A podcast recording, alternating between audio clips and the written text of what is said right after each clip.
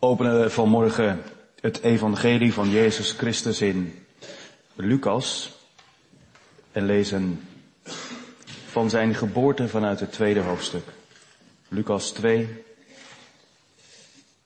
We lezen daarvan vers 1 tot en met 16. En vers 21. Lucas 2, vers 1 tot en met 16 en vers 21.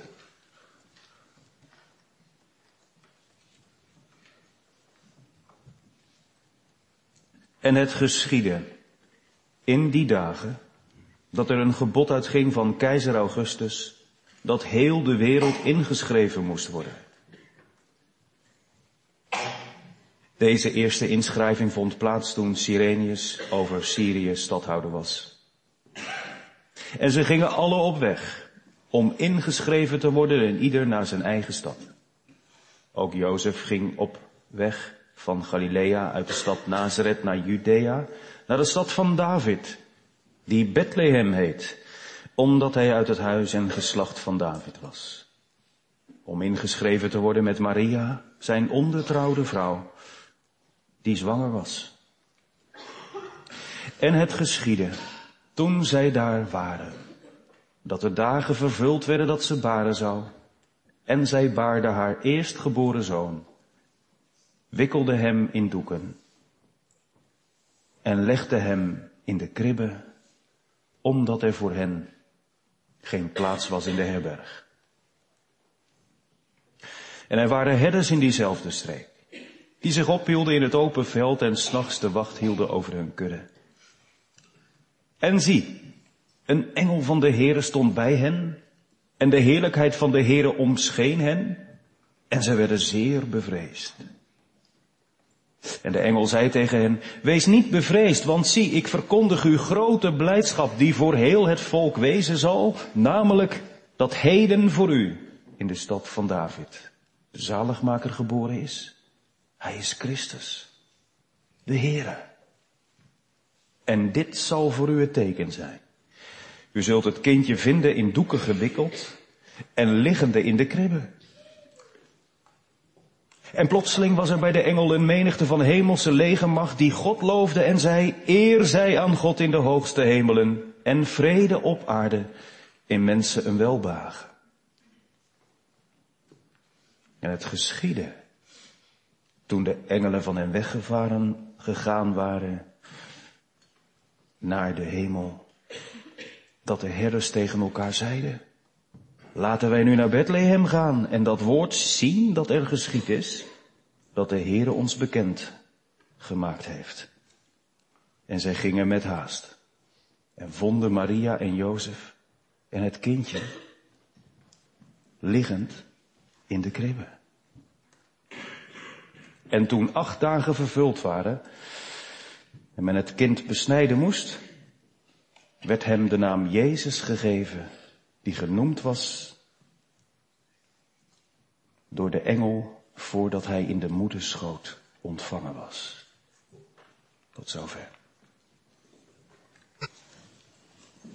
Vanuit het gedeelte dat we samen hebben gelezen, lees ik nog drie versen die we in de preek met elkaar gaan verbinden.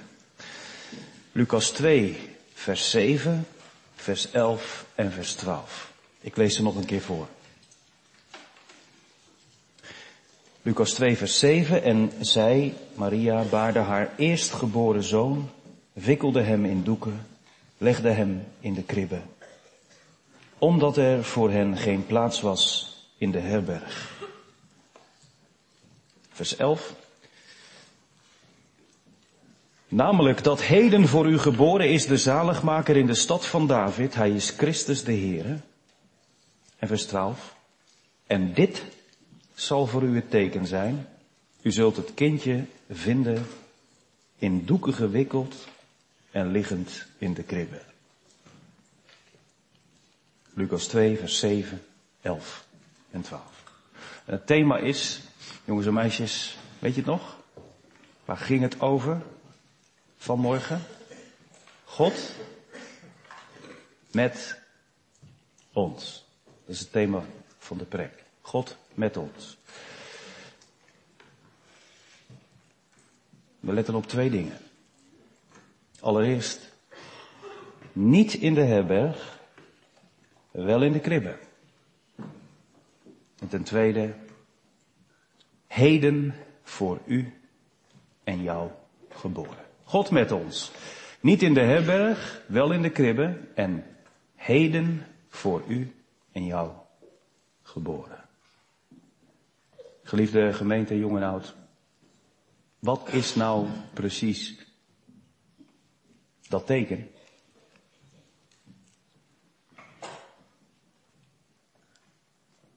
Hoe konden die herders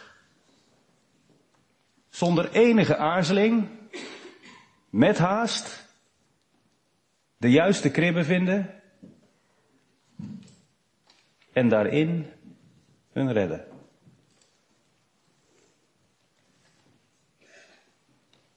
Wij met onze westerse blik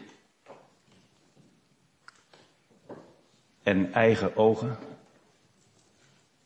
lezen in dat teken dat hij zou liggen in de voerbak in de kribbe. Vooral zo arm werd de heiland. Er schamele doeken om hem heen. En ja, omdat er niks anders voorhanden was, dan maar in zo'n krib. Dat is ook een lijn die je mag trekken wat mij betreft. Als het Christus maar verhoogt, dan is er veel geoorloofd. Maar we ontzeggen ons ook heel veel als we alleen maar onze eigen blik en de westerse bril gebruiken om dat Nieuwe Testament te duiden. Want het Nieuwe Testament sluit helemaal aan op het Oude. En juist als we het Oude Testament leren kennen, gaat er een wereld open als wij die bekende geschiedenis lezen van de geboorte van Jezus Christus zoals Lucas dat heeft opgeschreven. En als we ons vanmorgen dan de vraag stellen, wat is nou precies dat teken? Waarom moest Jezus Christus geboren worden en kort daarna in doeken gewikkeld in een kribbe worden gelegd? Laten we die vraag eens beantwoorden terwijl we kennis nemen van het Oude Testament. En ik beloof u, na een klein stukje onderwijs, dat u echt kans maakt dat uw hart openbloeit. Juist als we zien hoe bijzonder dit teken is. En ik heb dat niet zelf uitgevonden. Ere wie ere toekomt. Ik heb uh, een tijdje geleden kennis gemaakt met de vereniging van Messias beleidende Joden in ons land. Hadarech betekent de weg. En zij raden aan om als je het Nieuwe Testament goed wil lezen, kennis te nemen van het wereldberoemde boek. Nou, ik kende het nog niet, dus zegt meer over mij, denk ik. Maar van dokter Alfred Edersheim. Hij heeft het boek geschreven Life and Times of Jesus the Messiah. En hij was een Jood die Jezus is gaan aanbidden. Wij noemen dat jongens en meisjes een Messias beleidende Jood. Die heel veel van de Heer Jezus is gaan houden. En niet langer zei hij moet nog komen, maar hij die eraan zit te komen kwam eerst in Bethlehem. En met de enorme kennis die deze man heeft van het Oude Testament, laat hij zien hoe er heel veel vanuit dat Oude Testament in vervulling gaat in het leven van Jezus, ook bij zijn geboorte. De eerste lijn die hij trekt is, wat voor herders waren er daar in de velden van Bethlehem. Ja, gaat u maar recht zitten. Wij dachten altijd, en van mij mag het hoor, dat dat vooral van die lui waren die niet getuigden in de rechtbank omdat ze bekend stonden om hun onbetrouwbaarheid en hun lage sociale status. Dat dat van die, van die grove kerels waren die daar totaal niks met God hadden en werden overrompeld door het licht van de heerlijkheid van God. Hij schrijft, juist in de velden van Bethlehem waren er herders aangesteld vanuit de tempel die daar de offerlammetjes beschermden die in de tempel werden gebruikt. Zeker, heel veel herders waren niet zo betrouwbaar, maar er waren er in de tijd van de geboorte van Jezus herders, priesterherders, die in de dienst van God de kudde in het oog hielden. Dat is het eerste. Deze herders zorgen voor de kudde. Zodat de lammetjes die geboren worden aan God geofferd kunnen worden. En dan te bedenken dat als wij hebben gelezen dat Maria haar eerstgeboren zoon baarde, hem heeft gewikkeld in doeken en hem in de kribbe heeft gelegd, omdat er voor hen geen plaats was in de herberg, dan valt op dat dat bepaald is. Het is niet zomaar een kribbe, het is niet zomaar een herberg. Er waren ongetwijfeld meer herbergen. En er waren ongetwijfeld meer voerbakken. Hoe wisten die herders dan waar ze moesten zijn? Nou, zegt Alfred Edesheim. Dat heeft te maken met het volgende. En dan gaan we op weg naar uw hart. Met het gebed om de Heilige Geest. Wat is hier aan de hand? Als je let op wat hier zich afspeelt, gemeente, dan kunnen we niet om Micha heen. De profeet, die we allemaal kennen vanuit het vijfde hoofdstuk, die heeft gezegd, u Bethlehem Efrata, u bent aangewezen als plaats waar de Messias geboren zal worden. Maar één hoofdstuk daarvoor, Micha 4 vers 8, kunnen we lezen. En u, schaapstoren, heuvel van de dochter van Sion, naar u zal gaan, ja, naar u zal komen de heerschappij van vroeger, het koningschap van de dochter van Jeruzalem. Heel speciaal bij de schaapstoren wordt de komst van de Messias beloofd. En in het genoemde boek van Alfred Edesheim beschrijft hij dan het volgende. Die schaapstoren heeft ook echt bestaan. Die stond van de weg, aan de weg van Bethlehem naar Jeruzalem. En die schaapstoren, die had een bovenverdieping en een benedenverdieping. En laat nou die bovenverdieping ook wel genoemd worden de Cataluma. Vertaald in Lucas 2 met de herberg. In Lucas verderop wordt hem beschreven als de bovenzaal waar Jezus het paascha vierde. Hij zegt, bij opgravingen is gebleken dat daar die schaapstoren bestond uit twee verdiepingen. Er was geen plaats in de bovenzaal van die schaapstoren. Waarom niet? Waarom was er geen plaats voor Jezus daar? Daar zaten de priesters. Daar zaten de herders. Geen plaats voor een vrouw om te bevallen. Maria en Jozef zijn naar de schaapskooi de onderkant van de toren gegaan. Daar, langs de weg van Bethlehem naar Jeruzalem,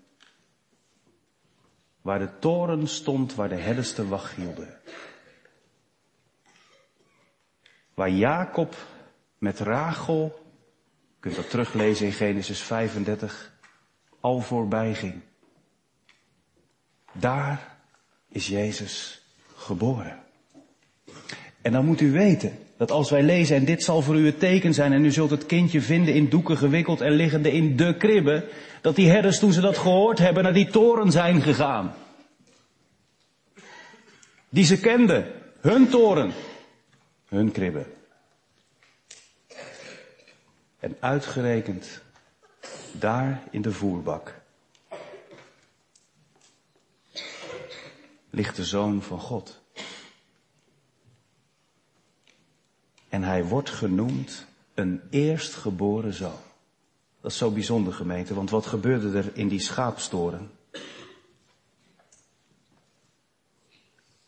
Alle eerstgeboren lammetjes, de ooien, werden op een bijzondere manier behandeld. Want uitgerekend de eerstgeborenen, die aan God werden geofferd in de tempel, moesten met zorg worden behandeld. Er mocht geen pootje gebroken zijn. Er mocht geen vlekje meer aanzitten.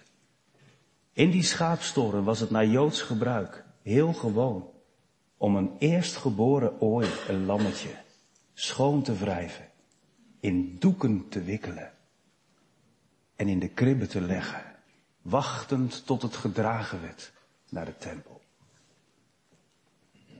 Ik zei u, wie vanuit het Oude Testament doorleest naar het Nieuwe, komt erachter. De plaats is voorzegd. De kribbe krijgt betekenis. Het lam van God werd niet in de herberg, niet in de Cataluma geboren, maar in de onderzaal bij de kribbe. Dan het tweede. Die Christus is voor u geboren. Dat hebben die herders gehoord, gemeente. Het lam van God. De beloofde Messias. Hoort u dat? Deze mannen krijgen te horen uit de hemel. Hij is voor u geboren. Daar moet je even over nadenken. Heel het Oude Testament bewijst, dit is hem. Het wordt hen duidelijk. Niet al die lammetjes die ze al zo vaak naar Jeruzalem hebben gedragen, brengen redding, maar dit kind. En hij is voor hen geboren. Dat maakt het heel persoonlijk gemeente, want hoewel natuurlijk de Messias allereerst kwam voor Israël. In de christelijke gemeente mogen we op eerste kerstdag horen dat het heil, de redding van de Here verder gaat dan Israël. Daarom kan ik ook in de verkondiging van het woord van morgen, omdat de hemel hem aanwijst, zeggen. Hij is voor u geboren. Christus de Redder. Dat is persoonlijk. Het lam van God is voor u naar de wereld gekomen om geboren te worden. Geloof je dat? Dat is het aangrijpende, hè? Dat mensen er zo vaak mee weg kunnen komen. Buiten de kerk en in de kerk. Bijvoorbeeld met het excuus, ja, ik weet nog niet of hij voor mij gestorven is. Ik weet niet of hij mijn zaligmaker wel is. Waar haalt u dat vandaan? Ik vraag me dat oprecht af. Waar halen mensen dat vandaan? Het aangrijpende hè, van mensen die verloren gaan. Die uiteindelijk niet eindigen op de nieuwe aarde, maar de eeuwigheid doorbrengen in de duisternis. Het aangrijpende van hen is dat ze zullen beseffen, ik had een redder, maar ik heb ervoor bedankt. Hij is gekomen als een redder voor heel de wereld. En uitgerekend die redder wordt door zoveel mensen afgewezen. Daarom is het zo bijzonder dat in die eerste kerstnacht dat heerlijke evangelie klinkt. Voor u is geboren de zaligmaker, de redder. In de stad van David. En dit zal voor u het teken zijn. U zult het kindje vinden in doeken gewikkeld en liggende in de kribbe. Daarvoor kwam hij. Om vrede te brengen met God. Om zijn leven af te leggen. Van meet af aan is zijn leven getekend. Door vernedering.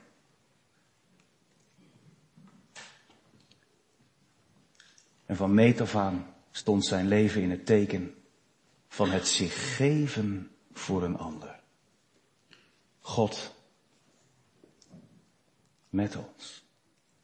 Geliefde gemeente, dat is kerst. Dat overstijgt de werkelijkheid waarin je zou moeten zeggen, ach, als er toch geen oorlog was. Oh, wat kun je daar naar uitzien? Zeker. Als er toch geen ellende was. Ja, wat kun je daar naar uitzien? Als het nou eens vrede was tussen alle mensen onderling. Ja, wat kun je daar naar uitzien? En terecht. Want het is beloofd. Maar in die tussentijd, waarin huwelijken breken, waarin mensen elkaar pijn doen, waarin de kerken verdeeld zijn, waarin de duisternis nog steeds over de wereld hangt, klinkt het evangelie. Heden, vandaag, opnieuw. Hoort u, hoor jij dat Christus is geboren? Een vredevorst. Het lam van God. Hij is het van wie de engelen zingen. De reden waarom zij God de eer brengen is dat het kind geboren is. Dat het lam in de kribbe ligt. En dat de goede herder gekomen is om van zich te laten horen. En dit zal voor u het teken zijn. Ze wisten waar de toren stond. Ze wisten waar de krib zich bevond. En ze vonden het kind. Wij hoeven niet meer te zoeken naar bijzonderheden hier op aarde. Je hoeft er niet speciaal voor naar Israël. Ver buiten Bethlehem, aan de rand van Rotterdam, vanmorgen in een meer dan 100 jaar oud kerkgebouw zijn wij met zoveel verschillende mensen bij elkaar. En horen we voor de zoveelste keer in ons leven het goede nieuws. Christus is geboren. Maak dat je hart niet vol van vreugde. Juist als je weet, ik en God, God met mij. Wat ik ervan kan maken en heb gemaakt in mijn leven. Wat een ellende. Maar, te midden van al die ellende, klinkt het heerlijk evangelie. Ook in mij een welbehagen. Wat er ook gebeurt, wat ons staat te wachten, wat het nieuwe jaar zal gaan brengen. Eén ding weet ik. Die eerste kerstdag biedt garantie voor morgen. Hij kwam als de wonderbare raadsman, als de sterke God. En zoals hij aan Israël beloofd is als degene die eenmaal op de troon komt zitten en regeren. Zo wordt hij mij vanmorgen aangewezen. Verkijk je niet op die kribben. Het is niet zijn armoede, het is zijn autoriteit. Het aangewezen lam. Daar moet je zijn. Verkijk je niet op die herberg en op die herberg hier. Kijk naar de toren en zie, daar kwam hij. en liet hij van zich horen. Daar kwam hij, niet als een vreemdeling die voorbij gaat, maar als het lam van God, Emmanuel. En nu jongens en meisjes, de Heer Jezus, hij is naar huis gegaan. Hè? De hemel was zijn thuis. Hij is daar in de troon van de Vader. Het is goed om daar ook op de eerste kerstdag bij stil te staan. Hij heeft het hele plan volbracht tot en met de hemelvaart. Maar het plan is nog niet af. Straks zal hij terugkomen, maar tot die tijd is zijn naam nog steeds Emmanuel. Zul je me beloven, en ik spreek de kinderen aan, maar ik bedoel de gehele gemeente. Ik zeg het in de taal van een kind. En ik hoop dat u zo geestelijk volwassen bent. Dat u aan het einde van de preek, op deze eerste kerstdagochtend, daarin mee kan komen. Jezus Christus is nu in de hemel en hij ziet je. Het kind is een man geworden. Het lam is geslacht.